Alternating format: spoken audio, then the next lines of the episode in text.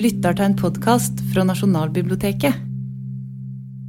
Bli med på dette her, spurte Nasjonalbiblioteket meg om. og Det er på sin plass å rette en takk til Nasjonalbiblioteket for at de gjør dette, og for at de spurte.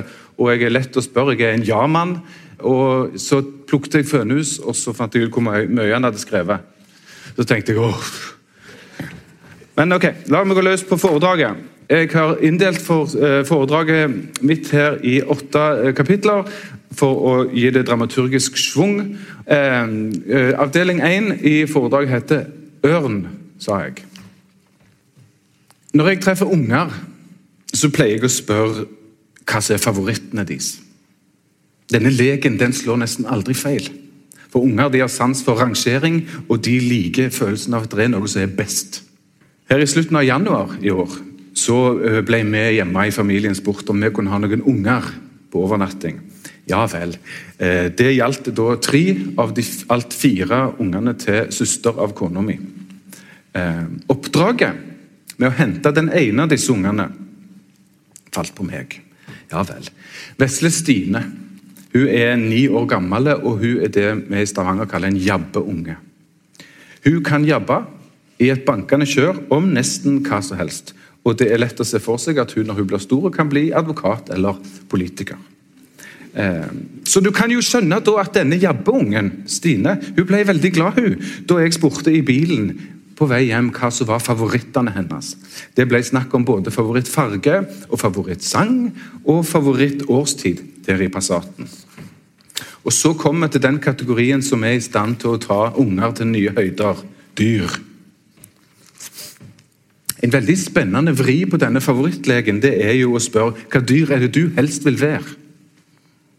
Ved å få folk til å se for seg at de er sitt eget favorittdyr, så åpner det seg en helt egen eh, schwung i denne favorittlegen. Og det var det som skjedde der i bilen. Kona mi, når hun får det spørsmålet, så pleier hun å si at hun helst vil være en lama. Sønnen min han er 11 år. Han sier alltid at han helst vil være en hund, og han er en hundemann. så det forstår jeg. Men nå gjaldt det altså denne Stine, vesle Stine og meg. Hva dyr, lurte jeg på, ville denne jabbe jenta være? Det viste seg å være en skilpadde. det. For skilpadder de er så søte. Og dette siste om hvor søte de skilpaddene er, det ropte hun ut i baksetet mens jeg styrte bilen. Før hun la til at hun òg godt likte pandaer og katter. Så onkel Tore, hva, hva dyr er det du helst vil være, da?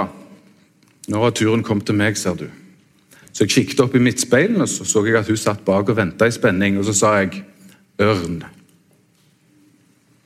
Hun la hodet på skakket der bak. Ørn? Ja, sa jeg. Så så jeg meg sjøl for mitt indre, kledd i sterke, brune fjær, med gult, krokete nebb og stygge øyne. Radarsyn hadde jeg, og jeg flerde opp himmelen og stupte mot jorda da jeg skulle sette de kvasse klørne mine i nakken på en hare. Ja vel. Men, men hvorfor vil du være ørn, onkel Tore?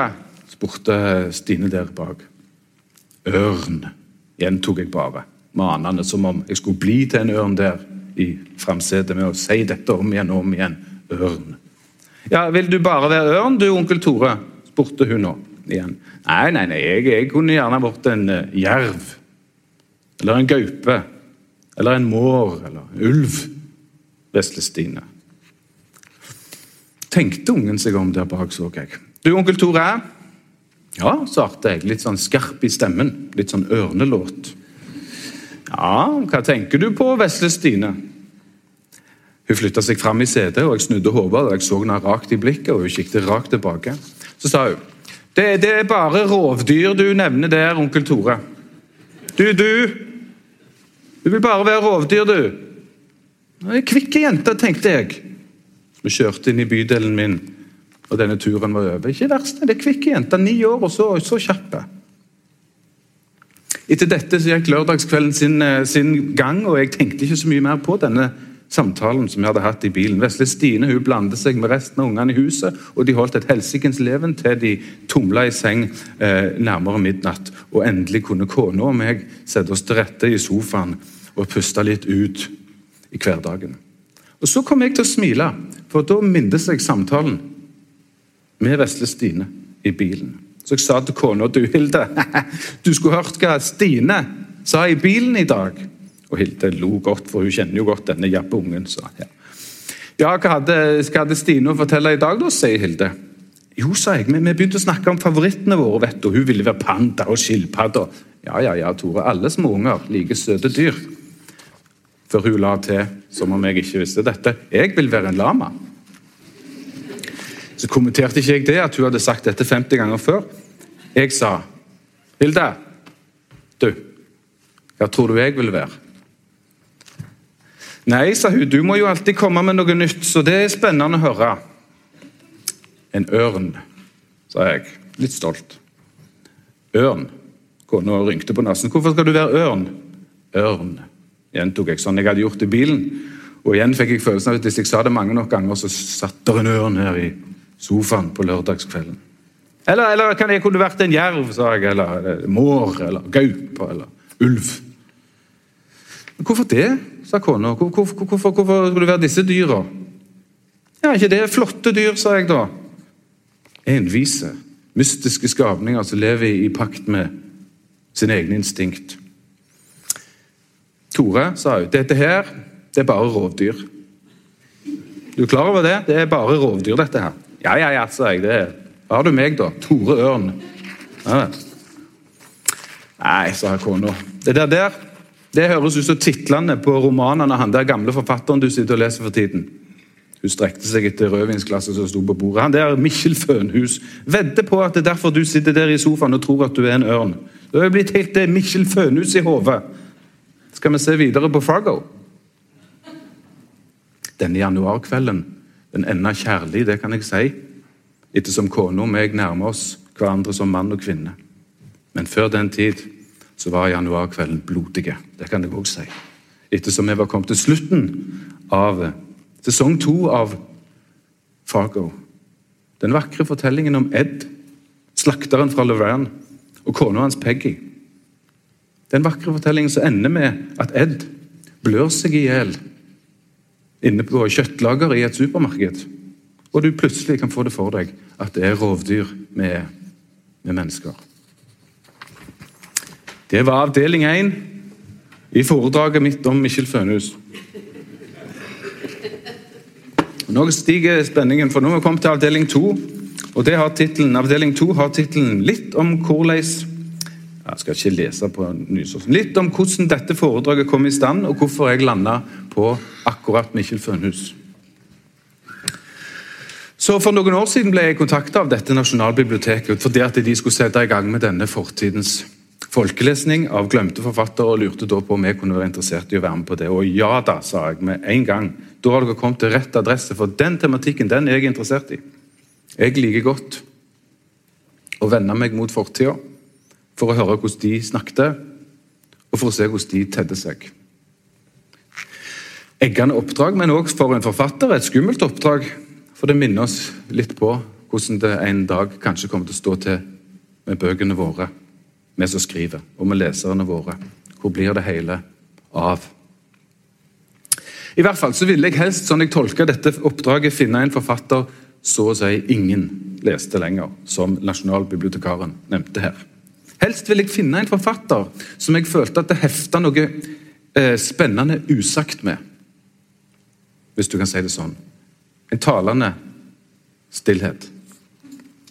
Så jeg tror at jeg, Grunnen til at jeg landa på eh, Valdres-sønnen Mikkel Fønhus, som ble født i 1894 på Fønhus landhandel i Sør-Ørdal, det har seg omtrent sånn som dette. Da jeg var ungdom, så hadde jeg en vane hvis jeg kom på besøk hjemme hos noen.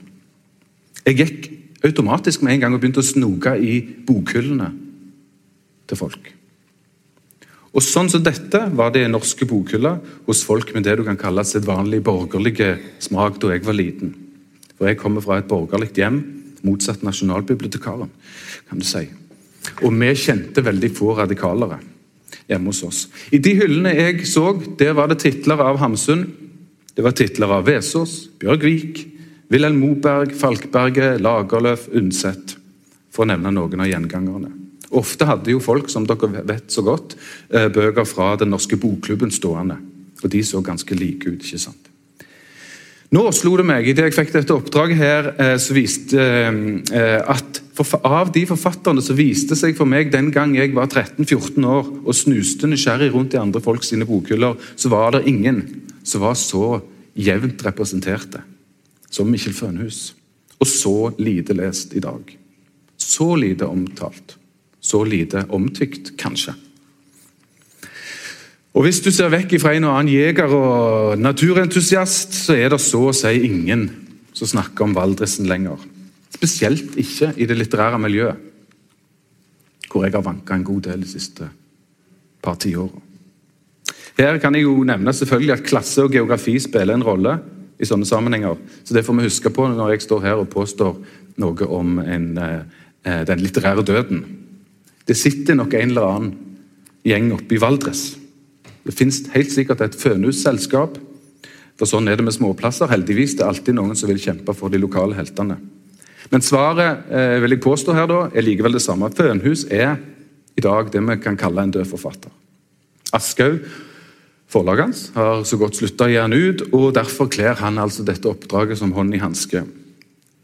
Bøkene kom i svære opplag, titusener på titusener, og av folkelesning så ble det stilt. Og er vi kommet til avdeling tre i mitt foredrag om Mikkjel Fønhus. Det heter 'Noen ord om Mikkjel Fønhus og generasjonen hans', og hvorfor jeg landa på å lese dyreromanen hans, selv om jeg ikke mente å gjøre det på den måten. Jeg skal ikke ta på meg å være Fønhus-biograf her i dag. sant? Det blir bare vas. For de som vil gå der, så kan jeg anbefale Fønhus-selskapet, som jeg nevnte, for visst fins de. De heter Mikkjel Fønhusforeningen, og de har en nettside der du kan finne masse godt stoff. Eh, og For de som skulle ha lyst til å gå dypere, så kan jeg anbefale Rolf Brandrud sin eh, biografi 'Drømmejegeren', som kom ut eh, på Aschehoug i 1993. Der det er masse, masse godt å finne. Noen små ord likevel til dere eh, om hvem Fønhus var. Alle som forteller om Fønhus, medregner han sjøl, de sier det samme. Han vokste opp eh, omkring århundreskiftet, omgitt av vassfare og Valdres dalføre, med sine skoglier og fjell, og med jakt og fangst og gårdbruk. Han mista far sin da han var liten gutt, og etter middelskolen så reiste han til Kristiania for å studere.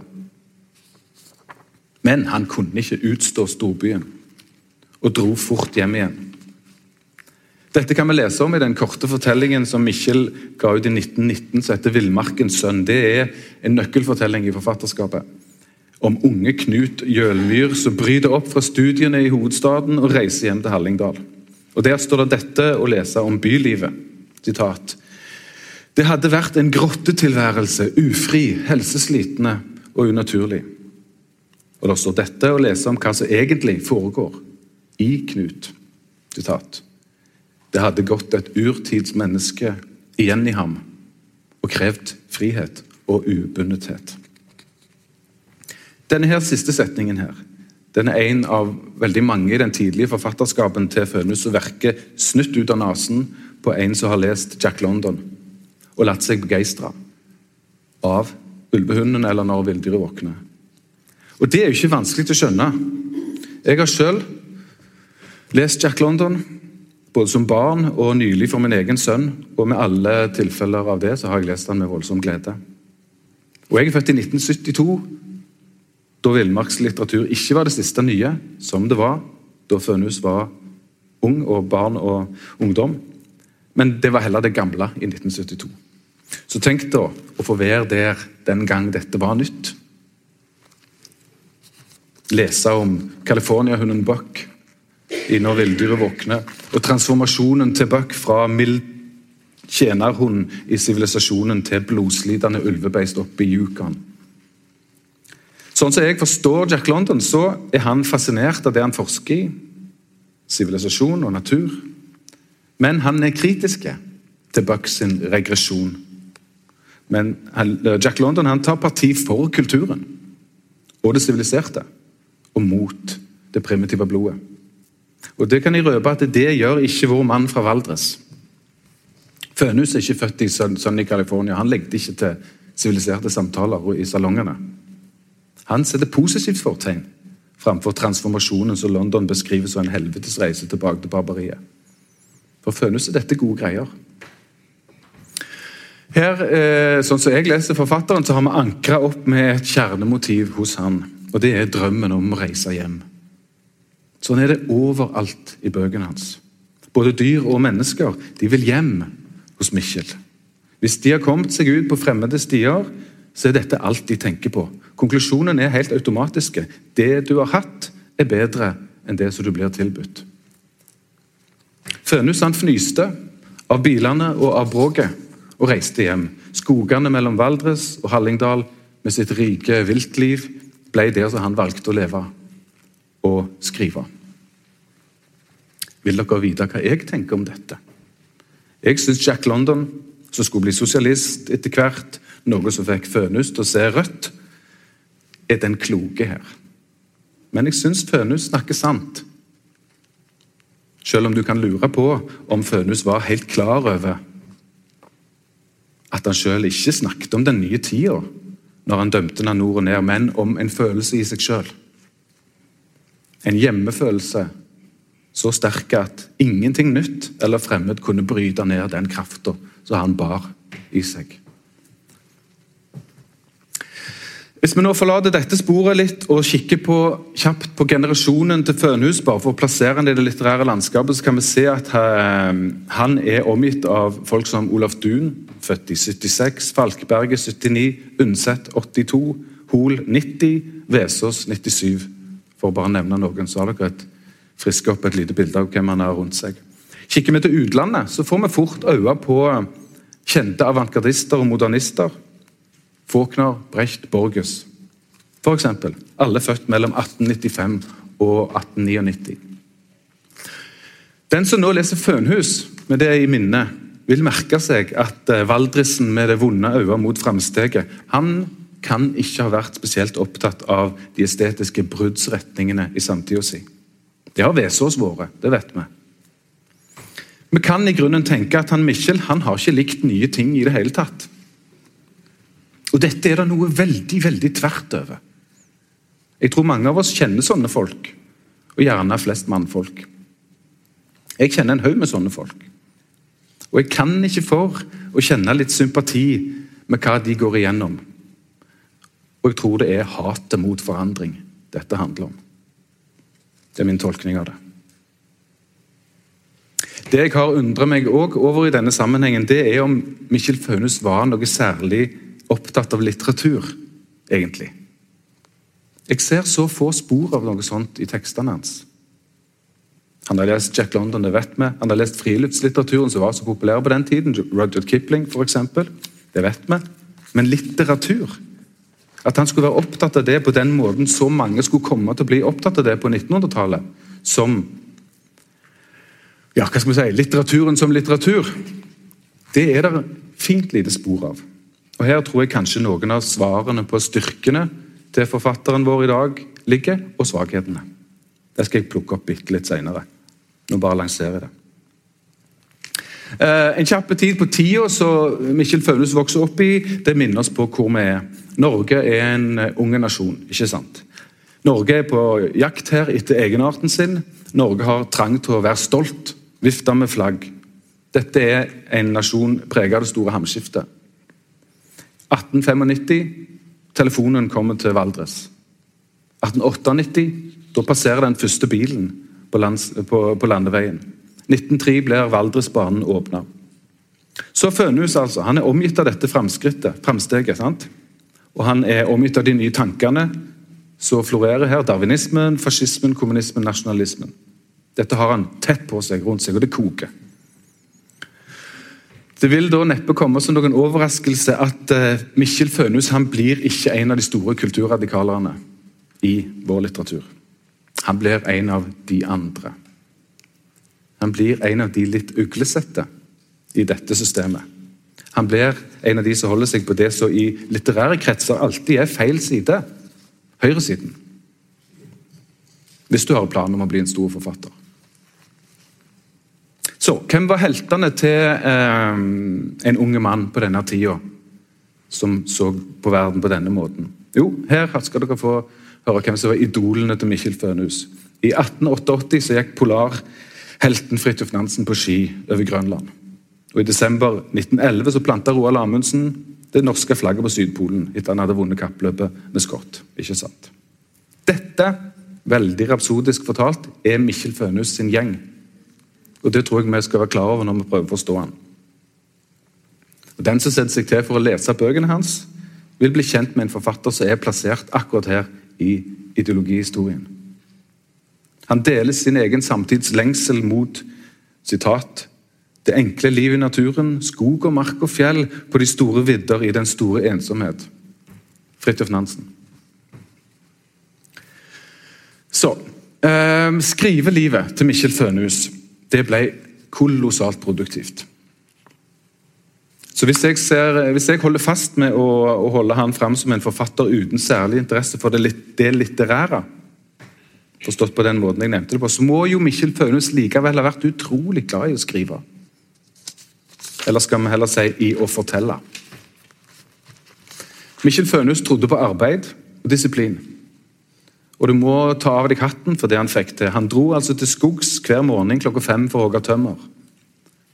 Der ble han i noen timer. Så kom han hjem, og så resten av dagen skrev han. Denne rytmen resulterte i langt over 40 titler før han tok eh, Kvelden i 73, med en hel haug med etterlatte titler i tillegg. Denne forfatterskapen her, den er konsistente, den er avgrensa, og det er folkelivsskildringer inni der. Det er noen historiske romaner, men all, langt de fleste handler om dyr og uh, livet i naturen. Til tider kan du når du leser Fønhus få følelsen av at han har sittet der i Valdres og så har han kikket ut på skogsliene så har han satt seg for å skrive ei bok om hvert eneste dyr der ute.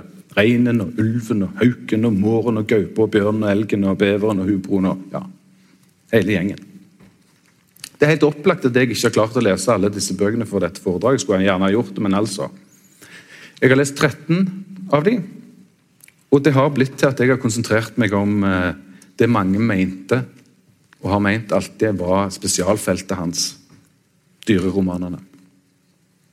Så Dermed kan vi slå fast at hvis dere skulle ha lyst til å komme her i dag og høre en 46, 46 år gammel eh, Stavangermann går løs på den mest vanlige forestillingen om forfatterskapet til Fønhus, den som ble gjentatt hver gang han ga ut bok, så å si, at han hadde bedre greier på dyr enn folk, så blir det ikke sånn. Vi vet at eh, Mikkjel Fønhus sleit med sitt eget rykte som dyreekspert og som svak psykolog. Eh, han ønsket å bli bedre på å skrive om folk. Han skrev f.eks. dette i et brev til vennen Tarjei Vesaas i 26, som jeg har sitert etter lesinga av Rolf Brandruds bok. Hadde jeg nå bare din evne til å skildre mennesker. Jeg er lei av å skrive om dyr nå, men det vil nok bli flere dyrebøker fra min side. Ja da. Akkurat. Så, så, ikke noe naivitet her. Mikkjel var klar over dette sjøl. Han kunne dyr bedre enn folk. Han kunne de forbløffende godt. Og det er det så få forfattere som kan. da. Og når alt kommer til alt, så er det vel det vi søker hos en skrivende. Det som gjør at det kommer til å stå en helt spesifikk aim av navnet til en forfatter, som det gjør med den voldelig drukna aimen av sørstatsgotikken til Flannery O'Connor. Eller den mjukt undrende aimen av telemarksromanene til Tarjei Vesaas. Ja, dette går bra. Vi skrider framover. Vi kom til nummer, nå kom til kapittel fire. Eh, det kapittelet her det har jeg kalt for Ein tufs. Morgenen etter den bilturen med Vesle Stine som jeg åpna dette foredraget med, så våkna jeg først. Nå for tiden så våkner jeg tidligere og tidligere, det kan jeg si. Jeg har egentlig mest lyst til å legge meg klokka ni om kveldene jeg, og stå opp halv fem helt alene og se dagen gry. Kona, ja. Kona liker å ligge litt frampå. Hun har et bedre sovehjerte enn meg, og hun er godt skapt. Det var stilt i huset når jeg våkna den dagen og jeg kjente hodet og kroppen begynne å verke. Etter litt etter en stund så begynte kona å røre litt på seg på sida av meg. Og så valgte jeg å begynne søndagen på denne måten. Jeg snudde meg mot henne og så sa jeg, 'Du Hilde, han Fønhus'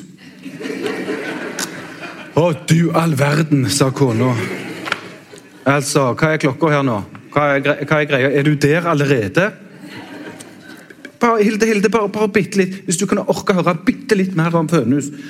Ja, hva er det nå? Har du funnet et nytt rovdyr du, du kunne tenke deg å være? Nei, nei, nei, sa jeg. Nei, nei, nei, det er ikke det. Jeg bare kom til å tenke på det, Hilde. Fønhus han skriver så lite om kjærlighet. Ja, så er ikke det en forfatter for meg, da, sa hun. Og gjespte. Ja, nå har jeg lest 13 bøker, jeg, Hilde. Å, herregud, sa hun. Ja, det kan du si det, Hilde. Men i de bøkene så er det knapt en eneste øm scene mellom mann og kvinne. Ja vel, sa hun. Så var det vel kanskje sånn han så verden, da. Jo, jo, jo, jo, Hilde, men likevel, sa jeg og heiste meg opp på albuene i senga.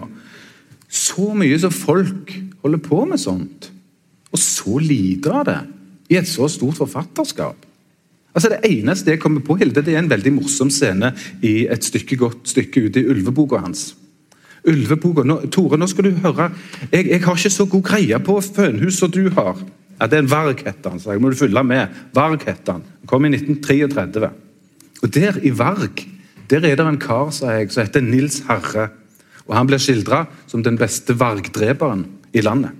Og så er det at Fønhus skriver. Men hjemme i huset sitt var han likevel en tufs. Kona lo nå. En tufs? Er han løyen, han Fønhus? Nei, nei, det vil jeg ikke si. Men av og til så blir han litt morsom når han skriver om folk. Og Det tror jeg er fordi at han ikke respekterer folk noe særlig. Og da blir han løyen. Sånn som når han skriver om vargdreperen Nils Harre. Ja, Tore, hva er det han blir tufs for da? jo, lo jeg, sa. Det er fordi at han ikke klarer å temme kona si. Å, milde himmel, Tore. Ja, ja, ja, ja, sier jeg. Det er fordi han ble fast i lassoen hennes, som Fønhus skriver. Fordi hun prater og prater og prater og aldri holder kjeft. Og Nils han får ikke noe styr på henne. Så Ikke engang får han styr på henne når han legger henne i gulvet og denger henne som ei bikkje. Men Tore! Ja, ja, ja, han skriver det. Fønhus. Ja, jeg liker ikke Fønhus. Jeg håper du snart skal holde det foredraget og bli ferdig med denne usiviliserte typen fra Valdres. Ja, ja, sa jeg. Du vet det, sa jeg. Og så begynte vi å høre lyder fra trappehuset der ute. Unge lyder, og de ramla ned mot første etasje. Du vet det, Hilde, sa jeg. Han, han hadde jo òg noen issues med nazistene. Å, det òg, sa kona. Ja, sa jeg. Ja, ja. Det er ikke helt Hamsun, dette her. Men likevel. han, Fønhus var fanatisk Arbeiderparti-motstander, vet du. Og Den gangen var Ap temmelig kommunistisk. og Derfor definerte Fønhus seg på andre sida av det politiske landskapet. Og Han syntes nok han at mye av det som hendte i, på høyresida i 30-åra, var stilige greier. Han, han blir bare verre og verre, han Fønhus-typen din. Ja, ja, ja, ja, sa jeg. Men uh, bildene må du holde tunga beint i den herlige munnen din, sa jeg. Hva? Hvem vet, sa jeg, hvor vi hadde vært. Du vet farfar. Farfaren min snuste på, på, på, på, Nasjonal Samling i 30-åra før han ble motstandsår. Ja. Tore, nå er det frokost snart. Ja, ja, jeg bare sier dette her, jeg. Rovdyr og, og, og nazisme nå denne helga. Jeg liker deg så mye bedre når du dabber rundt her i Liverpool-trøya di og venter på kamp. Ja, men det har jeg aldri tenkt å slutte med, sa jeg. Dette med fønhus, Tore, det må være en forbigående fase, faktisk. Ja, ja, men Hilde, du vet hva fønhus sier? Å, vær så snill. Ja, ja, ja, ja. Skal jeg gi deg et sitat her, så du kan tenke på? Der mennesker er, der er det vondt at være. Ja, det er sitatet fra Trollhelgen. Ja, jeg skal aldri lese Trollhelgen. Ja, sa jeg, det, er ditt valg. Så, han kan være litt menneskevond, Hilde. Jeg vet det. Men Fønhus Greia er han har litt rett òg. Det er det. Hvem har ikke drømt om å pakke det lille du trenger? Ta med børsa, dra til fjells, sette opp ei hytte, leve det vesle du finner, i pakt med naturen og ensomheten. Kona mi reiste seg vakker og lysende. Hun tok på seg den baggy joggebuksa si, og så himla hun med øynene. Og så så hun på meg. Ikke jeg, Tore. Aldri i livet. Ja. Så sånn kan det gå. Da har vi kommet til kapittel fem i mitt foredrag om, om Mikkjel Fønhus. Og Det er mer av intellektuell art. Og Det går sånn som dette. Det heter dette, mener jeg. Jeg korrigerer en forestilling om Mikkjel Fønhus og blir spesielt glad i rovdyrromanene hans og volden de er drukna i. Eh, Fønhus han var en av brakdebutantene i litteraturen vår. Han landa med en kvartett av bøker. 'Skoggangsmannen', 'Der villmarken suser', 'Det skriker fra kvervuljuvet' og 'Trollelgen'. Og De er utgitt mellom 17, 1917 og 21. Og Dette nedslaget hans i litteraturen det er helt fantastisk. Eh, Nokså uforlignelig. Kommer faktisk ikke på spesielt mange andre forfattere som har hatt en sånn start. Eh, Den berømte Johannes V. Jensen han skrev i 1917 en rosende kronikk om Fønhus i politikken. De hjemlige meldingene i Norge var veldig gode, og alle strømninger i, i tiden virka å være på Fønhus' side. Folk likte det han ga ut. Forlaget kunne kose seg med å trykke og svære opplag, og leserne var fornøyde. Jeg ble ganske imponert jeg, når jeg satte meg i gang å lese disse fire første bøkene til Mikkjel Fønhus. Jeg visste jo ikke hva jeg, skulle, hva jeg gikk til her. For alt, for alt jeg vet, så kunne det ha blitt helt katastrofalt møte. Det første som slo meg,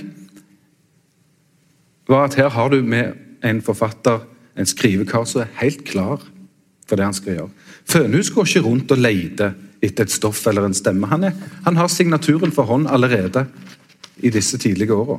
Han vet hvem han er som forfatter, han vet hva han vil skrive om. Dyr og natur, kampen mellom dyr og menneske, symbiosen mellom dyr og menneske, og lengselen etter det ekte livet.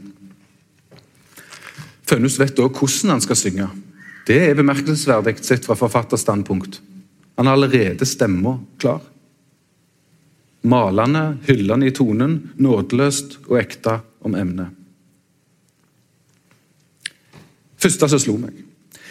Den mest berømte av disse tidlige Fønhus-romanene det er eh, 'Trolleelgen' fra 1921. Den som sto i alle hyllene da Aslak, Sira Myhre og jeg var små unger og ungdommer. Eh, dette er en fortelling om en jeger som de kaller for Gaupa, og nemesisen hans, trollelgen. En trollelg. Da jeg leste denne her en gang så veldig veldig berømte boka, så slo det meg at trollelgen ikke er den beste av bøkene hans. Ikke engang den beste av de tidlige. Det er en god bok, det er ikke det. Men jeg fant dette litt interessant, siden det er den mest berømte i hele forfatterskapet. Og Trollhelgen den ble et, virkelig et fenomen. Andre juledag 1927 så hadde stumfilmen om Gaupa premiere. og bare for å sette det i perspektiv, så ble det en mye større suksess enn Charlie Chaplins Circus, som gikk den gang. Det var svære greier, dette her. Eh, så Fønhus hadde fått seg et kommersielt gjennombrudd, et, et, et gjennombrudd hos kritikere, og han hadde det gående. Han var blitt forfatteren av 'Trollelgen'. Og Jeg velger å tro at dette er måten vi kan forstå hvordan et forfatternavn blir sterkt knytta til én tittel. Og på den måten har jeg lyst til å by på en liten korrigering i bedømming av den tidlige Fønhus-produksjonen. Trollelgen er bra, for all del, men det er først og fremst den store gjennombruddsboka. Den boka som jeg syns virkelig lyser fra denne perioden, som jeg skulle ønske at alle her ja, Dere har kanskje lest den, det er mange av dere, men jeg skulle ønske, virkelig skulle ønske at alle leser. En av de virkelig gode bøkene i norsk litteratur det er 'Det skriket fra kverveljuvet' fra 1920. Eh, en av, de, en av de få perfekte bøkene hans. Allerede på første side av denne boka skal du merke at du har med å gjøre med en inspirerte forfatter. Og Det er et stikkord for Fønhus.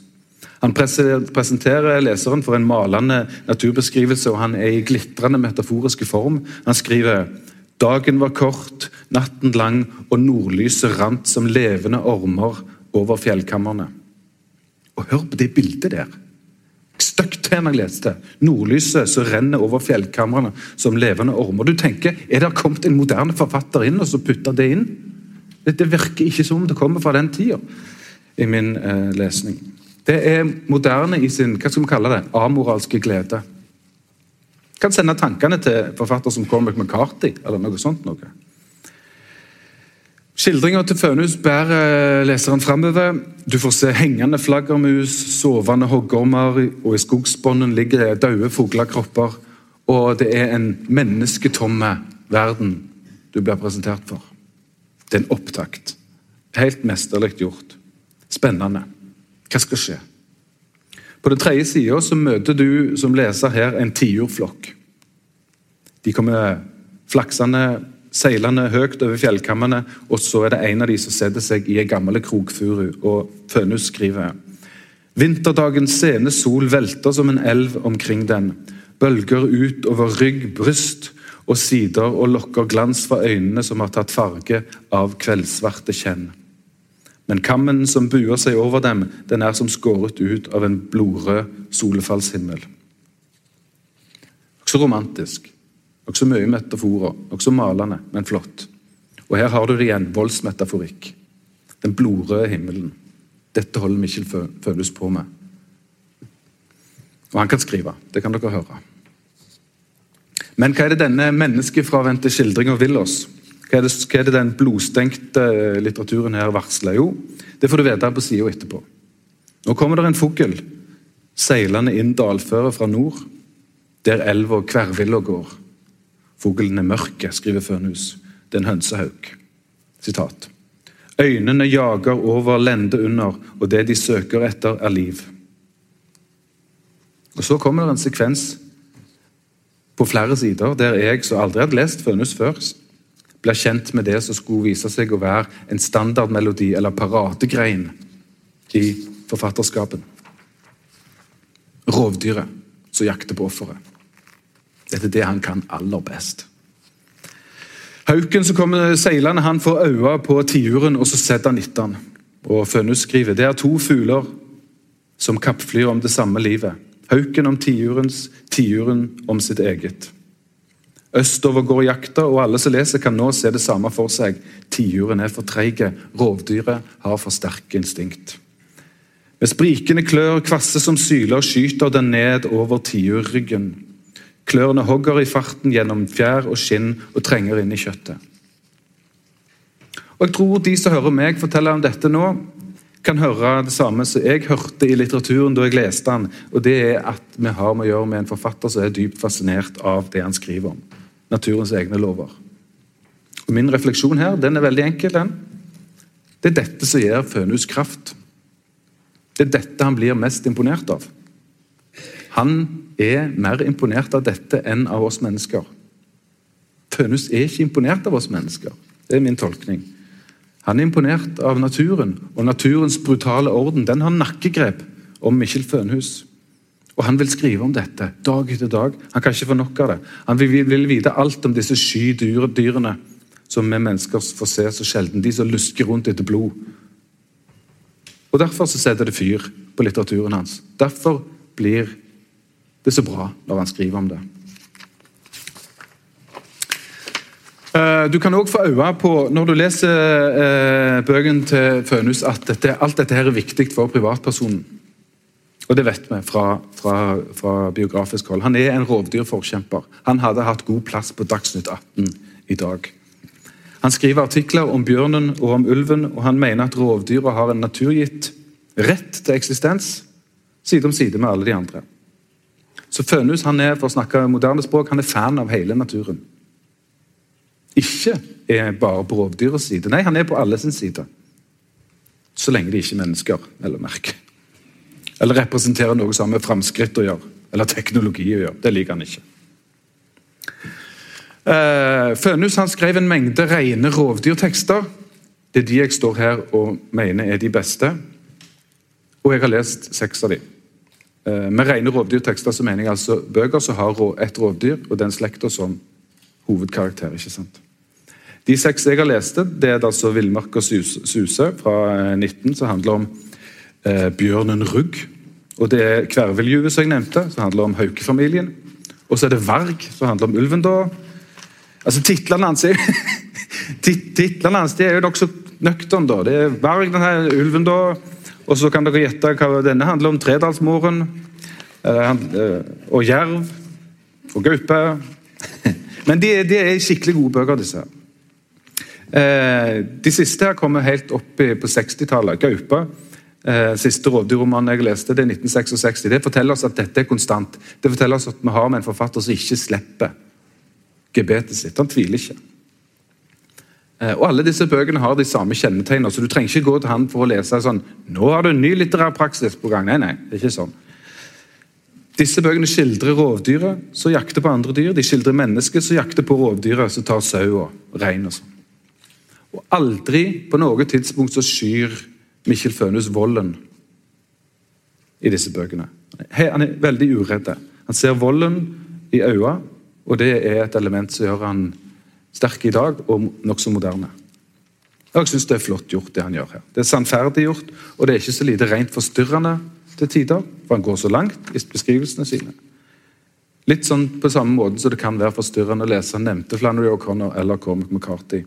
Altså sånne forfattere som lar blodet renne fritt og komme inn til den menneskelige eksistensen fra voldens kant. Og jeg tenker meg at disse forfatterne her, de ville satt pris på rovdyrromanene til Michel Fønhus, som jeg har blitt så glad i. Kapittel 6. Jeg liker kapitler. Eh, det finnes gode forfattere som jeg syns skulle ha satt mye mer kapitler. Eh, jeg får ofte lyst til å gå inn og redigere litt på det. Dette kapittel nummer seks det heter 'Om metoden til Mikkjel Fønhus'. Jeg har en sånn knirk her. Du har hørt det, lydmann? Irriterer det dere? Jeg står akkurat midt på den. Så kom her. Kan flytte litt. Der hørte du den igjen. Det er noe Nasjonalbiblioteket kan se på. Statlige kroner for uh... Ja, vi går videre. Kapittel 6, om metoden til Mikkjel Fønhus. Ute på søndagen så satt vi i sofaen på bowlingen på Åsen. Og Det er ikke så langt unna der vi bor i Stavanger. Vi hadde bowlingsko på beina. Og blandingsfamilien til kona mi og meg den så ut til å ha det godt. Massevis unger som kasta på bowlingkuler og lo og hadde det løye. Du, sa jeg idet jeg så dattera mi kaste. Hilde, han Fønhus. Det, det, det, er så Det er så enkelt det som han holder på med. Ja, du vil snakke litt mer om fønhus? Ja, bare litt til det, sa jeg. Bare, bare litt. Så ga jeg dattera mi et high five, for hun hadde fått ned fire kjegler. og Hun virket fornøyd med det. Hun er ikke noe konkurransemenneske. Ja, Tore. Nei, Hilde, det er bare Det er ikke noe raffinement i, i litteraturen til Fønhus, sa jeg. Det er så enkelt. det er så... Kona dytta en kopp med slush i hendene på minstesønnen i huset, og så sa hun Hør, Tore, Tore, Tore, Tore hva, hva, hva, hva, hva så man ikke er så raffinerte? Han fengsler deg jo. Hva så? Nei, nei, det, det, det. Tore, vi andre, vi leser. Og så liker vi det eller ikke, og så er den saka avgjort. Du, du, har studert for mye, du, Tore. Ja, ja, sier jeg, men nå var det sønnen min sin tur, og han er motsatt datteren min, er ærgjerrig type. Så han sto på banen og konsentrerte seg med bowlingkula, stram i blikket og foroverlent.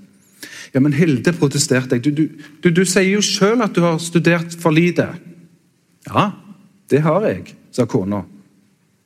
Og så så vi sønnen min slå ned åtte kjegler til hans egen moderate begeistring. Ja, det har jeg, gjentok kona. Jeg var dypt inne i kirkegård og alt mulig da jeg måtte hoppe av studiene og få meg en jobb, for jeg var gravid og alt mulig. Ja, jeg slo ut med armene nå. Da stemmer det vel, da. Kan vi snakke om noe annet? sa kona. Dette er jo livet, Tore.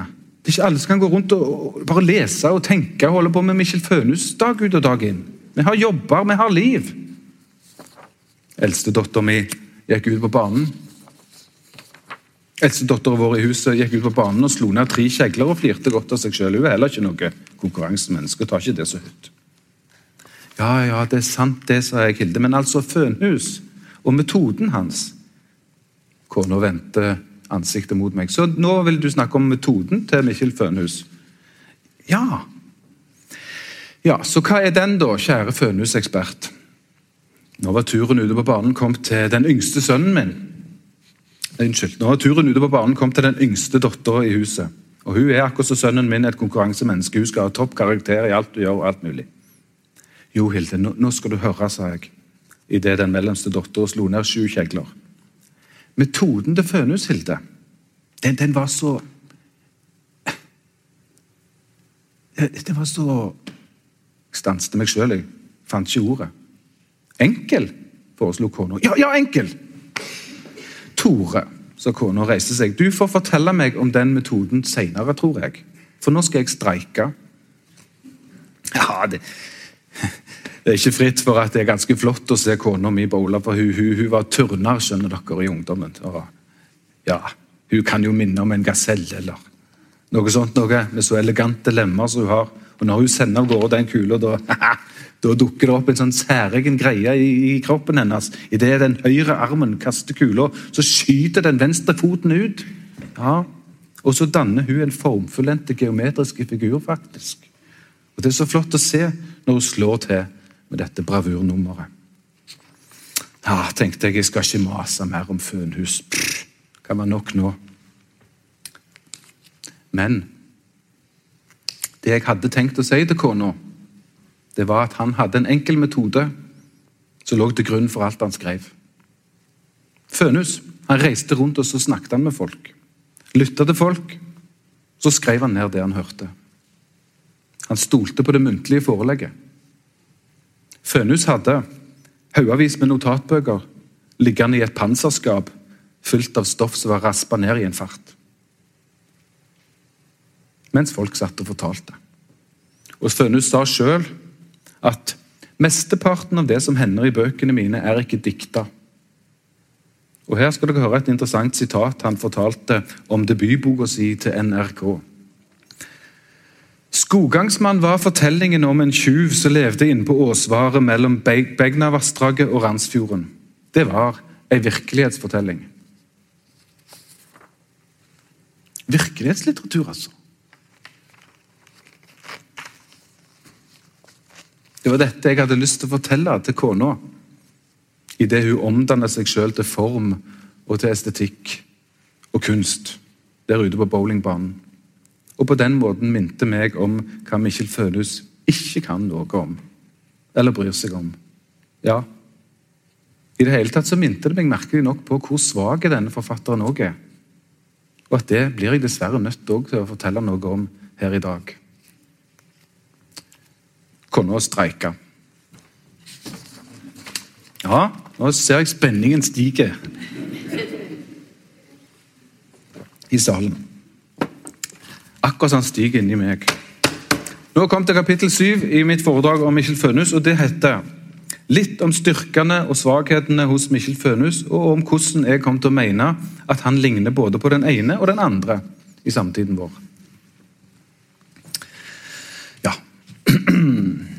Vi kan kalle eh, Fønhus for en svak forfatter med eksepsjonelle styrker. Eller vi kan kalle han for en sterk forfatter med betydelige svakheter. Eller vi kan gjøre det enda mer komplisert, og så kan vi si at noen ganger så er det faktisk svakheten hans som gjør tekstene så sterke. Nå hørte dere at jeg brukte nemning og tekster her. Og Det gjorde vi med vilje, fordi sjanger er et problem når vi leser Michel Fønhus. Flere før meg har kvidd seg for å kalle det romaner. Eh, og det er det god grunn til. Du kan peke først litt tørt på lengden på disse bøkene. Mange av bøkene er såpass stutte at de grenser ned mot den lange novellen, eller kortromanen, som vi kan kalle det. Dette i seg selv fritar ikke Fønhus fra romanbegrepet. Det som mest av alt gjør, tror jeg, at vi ikke helt er komfortable med romanbegrepet, det og kanskje da vil helle mot fortelling, det er det vi kan kalle det slentrende eller formløse ved mange av bøkene, hans. Det kan henge sammen tror jeg, med det muntlige forelegget som han er så trofast mot. Muntlige fortellinger er ikke kunstferdig konstruerte romaner. sant? Eh, han skriver bare ned det han har hørt. Noen av bøkene har preg av en mer klassisk roman. Det kan innrømmes. 'Tredalsmåren' det er en sånn bok. 'Jerv' det er òg en sånn en bok.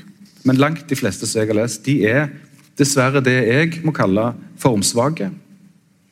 Uten utpreget konstruksjonssans. Og dermed er de fattige på det som mange av oss kaller romanaktig, eller oppleves som romanaktig.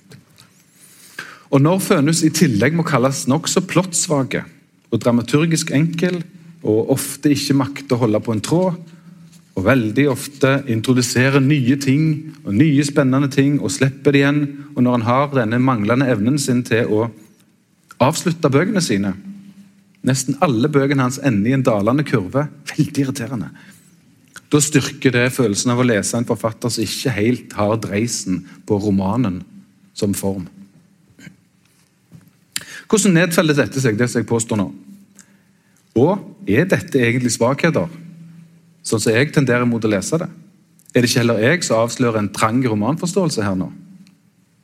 Eller er saken en helt annen? Fønhus vet dette. Han har ikke romanen som siktemål.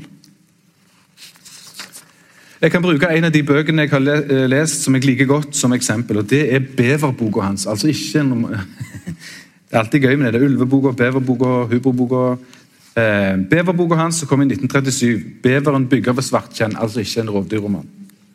Denne boka her, eh, en av de morsomste han har. Det kan også være pga. at beveren er løyen i seg sjøl. Eh, den starter knallgodt. Du møter en beverfamilie. De holder til ved et tjern. Og Det kommer masse fine skildringer av dette her løgne, byggeglade dyret som drar på kvist og staur og bygger, bygger, bygger. bygger. Spennende blir denne boka fort, fordi beverfamilien må bygge seg en demning for å berge huset sitt. De er trua av en kranglefant som heter Halvor Tvinne, som er irriterte på beveren som ødelegger for myra. Og han der, Halvor han går så langt som å bruke dynamitt på å sprenge hele bevergjengen til fillebiter. prøver han på. Så, I denne boka ligger altså alt til rette for en eh, fin roman om en beverfamilie som kjemper mot menneskemakta. Og Det hele fungerer veldig godt. Skrevet av en forfatter i form. og Det er legent og det er fast. Episk smartere enn han ofte er, og det er mer utspedd i metaforbruken enn han var kanskje tidlig i forfatterskapet. Men så Typisk Fønhus, altså.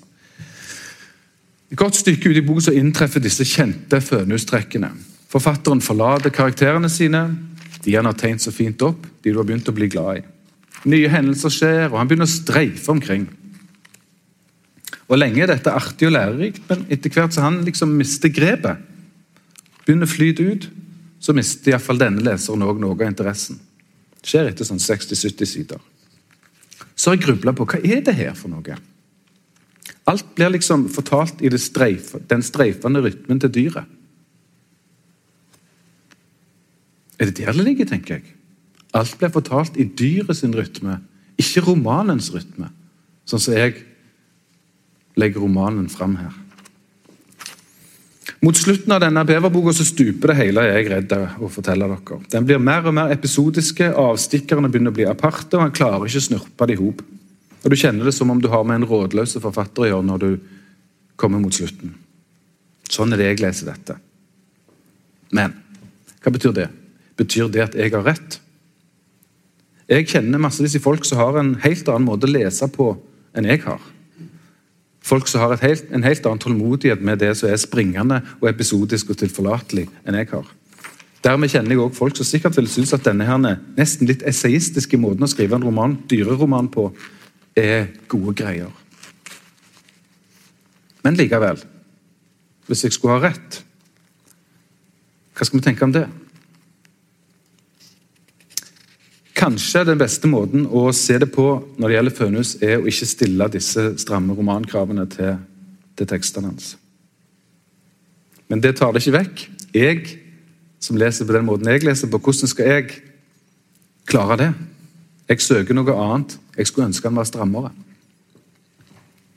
Jeg blir ikke enig med meg sjøl her, og det hører dere. så derfor bare legger jeg det frem. Så kan vi spørre var det sånn at Mikkjel Fønhus og forlaget var klare over dette? Er det bare noe Tore Renberg står og påstår i dag? Så de det som et problem, men klarte ikke å jobbe godt med tekstene hans? Vi går til uh, Rolf Brandrus i bok og ser hva han sier om dette. Og Der ser vi at forlagshistorier og skildringer og sitater de peker i retning av at Fønhus var en travel forfatter, rastløs forfatter, og han var utsatt for skarp kritikk fra konsulentene til forlaget. Han var ikke en av de som evna å gå løs på sin egen tekst om igjen og om igjen og skjerpe han. Han var en som jagde videre mot neste utgivelse, neste idé. Eh, Brandrud han viser òg at eh, Fønhus var selvkritiske på dette punktet. Han viser også i dette punktet, som med det at han ikke var så god til å skrive om mennesker og bedre på dyr, at han er klar over det. Dette her skrev han sjøl i et av brevene til Tarjei Vesaas. Sitat. Med meg er det slik at enten jeg skal bruke skiene, pennen eller jernbanebilletten, så må det gå fort. Fort! Jeg må få det fra meg, så fort råd er. Det er som om jeg støtt farer med pusten i halsen, der jeg burde gå og rusle og ta det med ro. Og Derfor er det så altfor meget ved meg som jeg selv ser man burde sette halvferdighetens stempel på. Så han vet det. Det er jo sånn, vi vet det jo. Hva er det kritikerne tror? Altså, Vi legge vekk manus bitte litt. Hva er det kritikerne tror når de skriver om oss? Så skriver de sånn og sånn og sånn. Ja, men vi vet det jo. Altså, Vi vet det bare. Altså. Dere er klar over det. Og hvis ikke, så Så må vi Ja. Det som vi ser i denne beverboka av plottsvakhet og dramaturgisk rot og episodisk framdrift istedenfor episke framdrift, det handler kanskje om denne uroa til Mikkjel Fønhus og jeg grubla på. Jeg likte så godt å lese det sitatet. Han er så urolig. Det koker sånn i han. Det er klart Han liker å sitte i skogslien og se på Alfreden. Helt opplagt. Så det er ikke noe latskap, tenker jeg. For Fønhus er virkelig ikke noe lat mann. Han jobber som bare Helgoland. han. Det er det han peker på sjøl. Det er manglende tålmodighet. Og Det kan jeg kjenne meg sånn igjen i, for jeg har ikke tålmodighet. Vel, når jeg har sutra på med alt dette her, og dessverre fortalt dere om noen svakheter jeg har funnet i forfatterskapet, så spør vi, i mer konstruktiv ånd Har dere hørt om, Jeg tror det var Johan Borgen som, sa, som hadde som metode at han bare anmeldte bøker han likte. Det er litt flott, syns jeg. Eh, hva er styrkene? Hva er styrkene som jeg har nevnt til Fønhus? Skal vi se litt på de. Det som løfter det fram, og det som alt i alt er min konklusjon mye mer oppsiktsvekkende enn svakhetene. Og Det synes jeg var litt kjekt også, for det var ubehagelig med dette oppdraget. Det, det, kunne jo blitt sånn at jeg sto her i dag og bare hadde lest en forfatter som jeg syntes var Altså, vet du hva? Mikkjel Fønhus. Um, ja, styrkene til Mikkjel Fønhus. Skal vi se litt om de. Det første du legger merke til med denne forfatteren, veldig tydelig, det er at han er setningssterke. Veldig setningssterk forfatter. Så hvis den litterære sensibiliteten hans ikke synes å rekke inn til romanen, etter min mening, eller teksten som form, kan du si, så rekker han definitivt til litteraturen på setningsnivå. Der er Fønhus eh, til tider briljante. Billedsterke, idiosynkratiske. Du kan kjenne igjen Nå er det han som skriver. Aller fremst tror jeg dette kommer til syne i skildringsevna hans, som er av ypperste merke. Især når det gjelder dyr og natur. da. Han kan som få andre nytte språket til å tegne opp skogsliene og elvestryket og viddene, og han kan som kanskje ingen andre jeg har lest, gi portrett av dyra. Det han skriver om, det er avlytta, det er avlest og det er nedtegnet med en dokumentarisk klo. Så han er en litteraturens David Attenborough, har jeg tenkt. Som også hadde godt språk, vet dere. Det har alle dere helt sikkert lagt merke til, akkurat som meg, hvor godt språk Attenborough hadde. Det har Fønhus. Og Det er båret fram av samme formidlingsglede og det er fram av samme fascinasjon for det materialet du skriver om. snakker om. Nå er jo Fønhus veldig mye mer av en vrangpinne enn eh, en ekstatikeren fra, fra BBC. Eh, Fønhus er hard. Han er interessert i vold, og han er fylt til toppen av fram, fram, eh, framskrittspessimisme. Men grunnlaget er likt. Det er kunnskap og det er respekt for naturen. Dette siste her, naturen, respekt for naturen, det gjør Fønhus veldig moderne på en interessant måte. Det er helt opplagt at han var forut for sin tid, og det er helt opplagt at han er en av de store pionerene i norsk miljøvern og naturvern. Eh, helt uh, tydelig. Sta og steil, det var han da. Veldig sta og steil. Han hadde sine greier, og sånn var det. Og Det har jeg grubla litt over, og jeg har landa på at jeg, jeg, har bestemt meg for å se det som en kvalitet ved han. Det som i menneskelivet, kanskje. Ikke vet jeg hvordan det var å være gift med Mikkjel Fønhus, men ja. Eh, eh, men i litteraturen er det en kvalitet. I litteraturen er dette ubøyelige en kvalitet, tenker jeg. Han slipper ikke inn noe lys der han bare ser mørket. Han nekter. Så Hva er det som gjør dette her så bra, da? Hva er det vi er vitne til når vi sier at det er så godt gjort? Jeg tenker at Det handler jo om noe mer enn at det er så gode setninger og det er så godt skrevet. Jeg tenker at Denne skildringsteknikken til Fønhus den representerer en helt individuell optikk. Det er en spesifikk måte å se på. Og det er en sånn eh, en skildringsteknikk gjør hos alle forfattere som kan det de holder på med, tenker jeg. På den måten forfattere kan ting. Og det er ikke ved å kunne, men ved å se. Du får se som leser hvordan han ser. Du får ta del i det blikket. Og Dette har jeg merka meg før, da jeg har eh, satt meg til for å studere forfatterskap, sånn som dette oppdraget gir anledning til. Jeg husker det for fra den tida da jeg leste Balzac. Da slo det meg veldig sterkt at han har et helt eget blikk på menneskelivet, og at det er der verdien for meg som leser ligger. Det er ikke sikkert det er mitt blikk, men jeg får ta del i det. Og Sånn tror jeg det har vært for meg med alle forfattere, så jeg har fått kjenne en sånn spesielt litterær jubel ved å lese. det. Dette fønhusblikket da, det er jo ironisk nok akkurat så arkitektonisk som han ikke er i formen. Ganske interessant. Og For Mikkjel så er det naturen og ikke kunsten som er et kunstverk.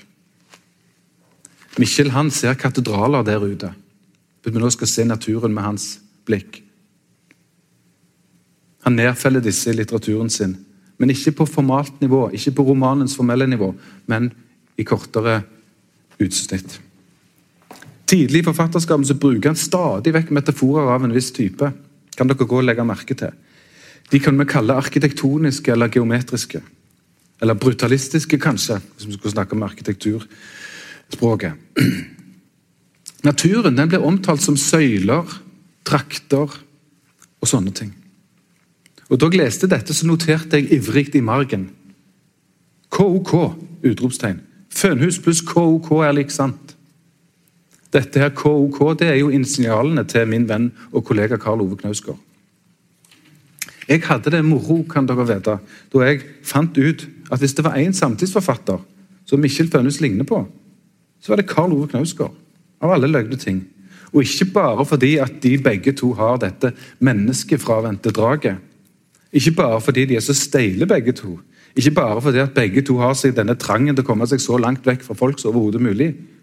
Som du òg kan lese, forresten, hos andre av mine kolleger, som Erlend Lo i Doppler-bøkene, eller ofte hos Ingvar Ambjørnsen. Nei, ikke bare pga. det, men fordi Karl Ove Knausgård og Mikkjel Fønhus underlig nok er så like i stilen av og til. Og fordi du kan argumentere for at de ser naturen likt i lengselen etter evighetens perspektiv og det ektes perspektiv. Og de gjør det på en arkitektonisk måte. Tåka ligger som ei søyle over marka, dalen strekker seg som trakt gjennom landskapet. Hva er, det Karl Ove Knausgård sier i starten av Min kamp 1?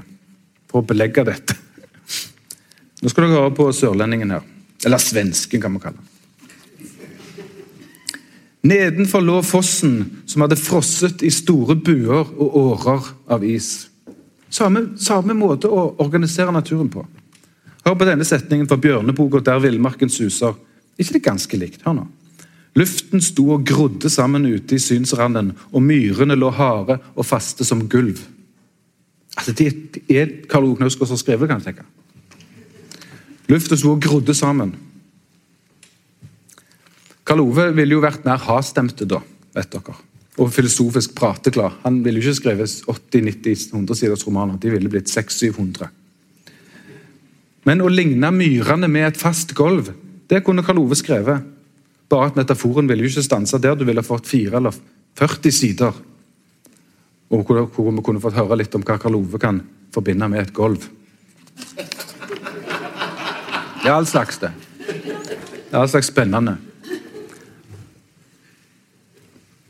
Her har jeg også et annet sitat, og det kommer fra debutboka til Fønhus. og Det går rett på den menneske- og verdensfravendte bevegelsen i forfatterskapen. Hør på dette her.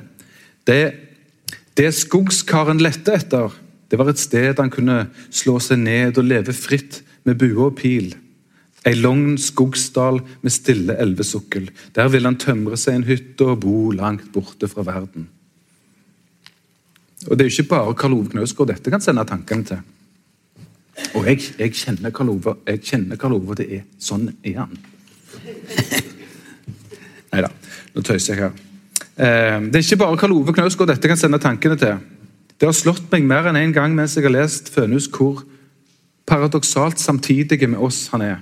Og Det var en veldig spennende oppdagelse å gjøre med dette, opp, dette oppdraget. Tenk litt over hvordan dette ligner bevegelser i vår tid. Dere husker gjerne filmen 'Into the Wild', eh, som handler om Christopher McCandles tid i Alaska. Eller filmen 'Wild' fra 2014. Eller hva med de mange sporene i populærkulturen av i dag, som er av samme art? F.eks. Bon, bon Iver, som flytta ut i skogen og lagde første plata si. Eller nå sist den siste plata til Justin Timberlake med tittelen 'Man of the Woods'. Dette her er helt opplagt noe som vi holder på med i vår tid. Det kunne vært emne for et helt foredrag, men det skal ikke jeg ta på meg. Ok, Som om det ikke var nok at jeg hadde funnet disse sammenhengene mellom Fønhus og Knausgård, så kom jeg for en tid tilbake siden til å lese en akademisk tekst som uten å vite det kommenterte denne refleksjonen. og Det var Toril Moi, nevnte Toril Moi, som har stått her og snakket om fortids folkelesning. Eh, hun har skrevet en god tekst, syns jeg, om Karl Ove Knausgårds eh, eh, My Struggle, blir vel det da. Og Den heter 'Describing My Struggle', og den har skrevet i The Point Magazine. Toril Moi er veldig, veldig åpen og kvass leser, som vi liker godt. Hun bruker dette essayet sitt eh, tid på å finne ut hva det er med bøkene til Knausgård som hun liker så godt. Prøver å bli klar over arten av, årsaken av og arten av sin egen begeistring. Og hun lander på dette. Det handler om the quality of its descriptions. Its capacity to convey reality or its world-building abilities. Leste jeg det så tenkte jeg, det her stemmer med Mikkjel Fønhus. Skape en verden. World-building abilities. Og det er målet, det. For meg òg. Når jeg eh, sitter og skriver bøker. Og jeg er jo ikke i det hele tatt noen særlig god skildrer av naturen. Bare så det er sagt. Jeg er ikke noen god skildrer av dyr og natur. Og det skinner sikkert igjennom her at jeg misunner de som kan det. Mens jeg bygger min litterære verden med helt andre byggesteiner. Ja. Nå nærmer jeg meg slutten på foredraget her. Det var et veldig lydhørt publikum eh, Nasjonalbibliotekaren har her i Oslo. Jeg kunne i den slengen foreslå at vi fikk en avdeling Stavanger av Nasjonalbiblioteket. Eh, men det går vel ikke. Nå nærmer jeg meg slutten på foredraget, og jeg har bare én ting å melde før jeg takker av. Og Det er en liten ting som jeg ble opptatt av da jeg leste en melding av Jerv i Morgenposten fra 1959. Det er en av de bøkene til Mikkjel som jeg setter virkelig pris på, som jeg vil anbefale alle å lese. Og akkurat dette som jeg nå skal fortelle, det ble jeg sittende og snakke med kona mi og mor mi om den søndagskvelden. Vi hadde vært på bowling. Dagen etter at Vesle Stine og meg hadde sittet i bilen og snakket om hva dyr helst, vi helst ville være. Og På den måten innleder jeg kapittel åtte, det siste, i mitt foredrag om Mikkjel Fønhus. Og Det kapittelet det heter om de, om de eiendommelige scenene hos Mikkjel Fønhus og et ekstra lite ord om å se.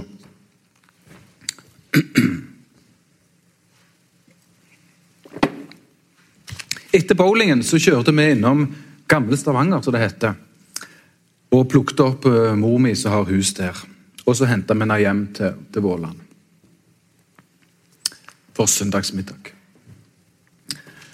Januarmørket kom, og vi stelte til middag. og Ungene styrte på rundt omkring i huset.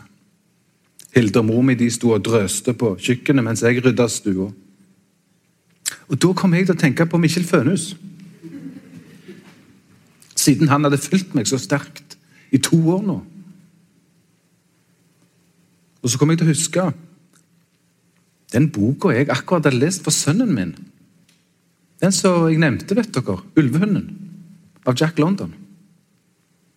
Så slapp jeg ryddinga fra meg, så sprang jeg opp til toppetasjen og inn på rommet til guttungen min. Og Det rommet ja, det er tapetisert fra gulv til tak med Liverpool-plakater. Akkurat sånn som jeg skulle ønske jeg hadde i barndommen min. Og i hylla hans der fant jeg boka. Yes, der fant jeg boka. Jack London, 'Ulvehunden'. Og det var min egen utgave, det. Så guttungen har arva. Slo jeg opp på første side. Det var akkurat som jeg hadde trodd. Det sto noe der på første side. Det sto noe som jeg sjøl hadde skrevet. I 1984. Min egen håndskrift. Beste boka jeg har lest til nå når jeg er 11 og et halvt år. Tore Renberg. Ikke bor, altså. Det, det, hjertet bare sant? snørte seg i halsen på meg. Tok jeg den boka med ned til første etasje. Det dufta av stekt kjøtt og alt slags godt. og Kvinnene sto i frisk samtale over grytene. Så gikk jeg bort til mor mi så holdt jeg opp boka litt sånn barnslig. Akkurat som en gutt, merket jeg. Så sa jeg 'mamma, husker du denne?' Så tok hun boka over meg i øyesyn så sa hun 'Jack London, ulvehunden'. Kommer du med den for? Ja, det er nok pga. Mikkjel Fønhus. Kom det fra kona. Jeg kaller han bare det nå. Tore Fønhus. Ja, sa mamma. Tore kan bli litt monoman av og til. Ikke uten brodd, hørte jeg hun sa dette. Ja, sier du det, sa kona. Det har jeg ikke lagt merke til. Ja, ja, ja, sa mor mi og smakte på sausen. Han har dette ved seg at når han går opp i noe, så vil det liksom ingen ende ta. Jeg sto der ved siden av og irriterte meg jo litt over denne samtalen. De to kvinnene som står meg nærmest, de skulle liksom stå der nå over grytene og gjøre seg løgne på mine vegne. Men samtidig så Samtidig var det jo ingenting å gjøre, da, for det, det de sa, var jo riktig. Jeg er ikke bare litt monoman, jeg er veldig monoman når jeg får det for meg. Og jeg vet godt at jeg sliter folk ut. Jeg sliter jo meg sjøl ut, stadig vekk. Fønhus, sa mamma. Så, så du leser han nå? Ja, ja, sa jeg og kjente engasjementet stige litt igjen. Jeg skal holde foredrag i Oslo. Trollelgen, var det han med trollelgen, sa mamma. Så hva får du ut av Fønhus, da? Ja, nå har du det gående, sa kona. Du skal ha han på glid på det der. Og idet jeg, i det jeg skulle til å fortelle om hva jeg har kommet til at er det beste, aller sterkeste, med Mikkjel Fønhus, så hørte vi en jæklig smell fra andre etasje, og jeg måtte bryte opp dem oppi og se hva det var. og Det viste seg at en unge hadde kveltra i hylla. Og Så kom middagen, og jeg rakk ikke å si det jeg skulle ha sagt. Ikke før kvelden kom. Da fikk jeg sagt det. Det er slutten av foredraget mitt. Jeg har oppdaget noe, sa jeg, der vi satt i godstolene ute på søndagskvelden. Jeg hadde fyrt i ovnen, for det var kaldt i huset, og det å fyre i ovnen er en av mine oppgaver i huset. Ja, holdt jeg fram, jeg kom over dette her. Da leste jeg melding i Morgenposten fra 1959 av ei bok som heter Jerv. Og Det er ei bok ingen snakker om i dag. Og Det er ei av de helt glemte bøkene. Uff, sa kona mi. Det er nesten litt sørgelig når du sier det sånn. Akkurat som om alt bare skal forsvinne. Ja, sa jeg til Skal det jo. Ja, ja, sa hun, men du vet det, Tore, jeg har ikke noe integrert forhold til døden. Nei, jeg vet det, sa jeg. For kona mi hun arbeider i psykiatrien og hun omgir seg med sterke saker hele veien. Men selv om hun ikke er skogredd i det hele, tiden, hele tatt på jobben, så er hun litt redd i privatlivet for sånne ting. Døden. Hvem var det som hadde skrevet den meldinga, da? spurte hun. Ja, Det var Eugenia Kielland, det, sa jeg.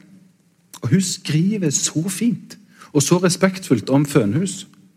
Og Det virker som om hele den der halvkvedne naziflørten hans er, er vekke nå. Det virker som om Eugenia Kielland mener at nå, nå, er det på tide å gi gamle Mikkjel den respekten som han fortjener. Den han ikke hadde fått av det norske litterære livet på ganske lenge. Uff, var det sånn? spurte kona. Ja, sa jeg. Jeg får inntrykk av at det var sånn. Uff, sa kona. Jeg gjør ikke mye for dette litterære livet. Korrupt laug. Folk som tror de har peiling på hele livet. Ja, ja, det kan du si, sa jeg, men Han Mikkel han fikk pangstart, han, sa dere. Han hadde alle med seg. Men etter krigen så har han glemt det. Men når Jerv kommer ut, da er liksom tida på sida hans igjen. Nå blir han hylla som vår store naturdikter og dyreskildrer og naturverner, og alle ser ut til å mene at denne romanen, som ikke ble en klassiker, er blant hans beste. Akkurat som jeg mener den er det. Ja, ja, ja, ja, ja sa kona. Kom nå med det nå. Kom nå. Med det som du mener du har oppdaga. Jeg sa Eugenia Kielland hun melder jerv i Morgenposten mandag 26. oktober 1959. Og Hun skriver at det er så forfriskende å komme fra disse moderne kjærlighetsromanene med sine subtile erotiske konflikter og over i Mikkjel Fønhus sin verden, skriver hun. Ja, det er flott, sa mor mi. Jeg liker hun, Eugenia Kielland. Ja, ikke sant, sa jeg. Og så sier hun at hun blir revet med fra første side. Ja, sånn skal det være når du leser ei bok, sa kona mi. Ja, sa jeg, det skal det. Og så skildrer Kielland denne jerveboka, den om reingjeteren Bengt, som strever med å holde dyr unna flokken sin. Og Fienden det er den blodtørstige slektningen av røyskatten, dette merkelige dyret som lever langt oppe på fjellet og lusker seg inn på dyra og dreper dem og spiser dem grådig. Jerven. Jerven, sa mor. Den vet jeg lite om. Ligner han en hund? Ja, Det er vel mer en bjørn, sa jeg. Snurrig anatomi. Lite hode, stor, lodden kropp, enormt sterke. Sjeldent dyr, akkurat som gaupa. Uansett, fortsatte jeg, mot slutten av denne meldinga skriver Kielland om en scene i boka. En scene som jeg sjøl merkte meg. Der en mann dør ved enden av et stort, islagt vann. Kroppen blir liggende der, og det begynner å snø, og etter hvert dekker snøen liket. Noen dager senere finner reven han og spiser opp hele liket. kom det fra kona. Og Når Kielland skriver om dette, så bruker hun et ord, sa jeg. Og Det var dette, ordet til Kielland, som satte meg på sporet av noe som jeg har tenkt. Ja, det er dette du har oppdaget oss, sa kona. Ja. Og hva er det ordet der, da? spurte hun. Eiendommelig, sa jeg med ettertrykk. Det er det hun sier, Eugenia Kielland. Høyst eiendommelig. Eiendommelig. Kona tenkte seg om. Det er et veldig godt ord, det, Tore. Det kunne vi bruke oftere. Hva tenker du om dette, da? Nei, sa jeg.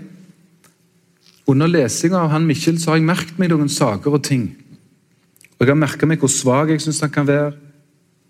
Jeg har merket meg hvor mye han har lært meg om naturen. Merket meg hvor god han er. Men den store hendelsen i bøkene hans har jeg kommet fram til. Det er disse makeløse enkeltscenene. Merkelige scener. Voldsdrukne scener. Cinematiske, presise og mørke, blodrøde scener. Hvor du blir sugd inn i et mørke og glemmer hele deg og deltar i noe grunnleggende, noe rent eiendommelig. Og Dette fikk jeg ikke tak på før jeg leste Eugenia Kiellands melding, sa jeg. Men det er der det ligger. Store arkitektoniske enkeltscener.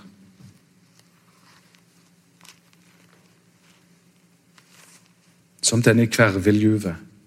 Der er det sånn at det er haukemor er i en stygg kamp med en mår, så etterlater hauken, hauken stygt skada. Hun kommer hjem til de tre ungene sine som ligger i reiret sultne, og der Nei, jeg må springe bort og lese fra boka, sa jeg. Sprang jeg bort og fant sitatet. Oi sann. Sprang jeg bort og fant sitatet. Hunden hadde ikke før lagt seg ned før ungene, to stykker på en gang, satte nebbene i innvollene på henne og hogg til. Hun skrek, tverrreiste seg og ble liggende ute på kanten av reiret. En tynn tarm lå som en bendel fra henne og bort i et ungenebb og ungen begynte å hakke. Ungene spiser mora, sa jeg. Mamma, ungene spiser mora. Og når dette er hendt, når de har tatt livet av mor si, så begynner ungene å kikke på hverandre. Og så går de løs på hverandre. Så begynner de å ete hverandre, disse ungene. Og det er helt eiendommelig, sa jeg. Og det er dette som er litteratur, sa jeg. Så fint, sa kona mi. Kanskje han der Fønhus er noe for meg likevel. Har dere lest Henry David Thoreau, sa jeg. Nei, de rista på hodet. Han, han, Thoreau han har ei bok som heter Valden, sa jeg. Eller Livet i skogene. Kom ut midt på 1800-tallet. Handler om den tiden da Thoreau holdt til ved Valdensjøen i et forsøk på å komme nærmere eksistensen. Ja, Det høres litt fønhusaktig ut, det, sa kona mi. Ja, ja, ja, sa jeg. Hva er det med den, sa mor, sa mor mi. Nei, det er bare et lite sitat jeg fant, sa jeg. Det går sånn som dette. Kunne det hende oss et større mirakel enn om vi en stund ble i stand til å se med hverandres øyne? Ble stille i stua. Søndagsmørket hadde lagt seg tungt ute nå. Og Så åpna kona mi munnen sin, og så sa hun mm, Veldig mye ville blitt bedre her på jorda hvis vi makta det. Ja, ikke sant, sa jeg. Ikke sant? Og alt dette kommer til meg, mamma, Hilde, fordi at jeg har lest en menneskefravendt forfatter. Og det er nå både underlig og interessant. Ja, sa kona, hva, hva, skal du kalle dette foredraget ditt uh, da, som du skal holde i Oslo? Nei, sa jeg. Jeg har tenkt å kalle det for Sjå. Takk.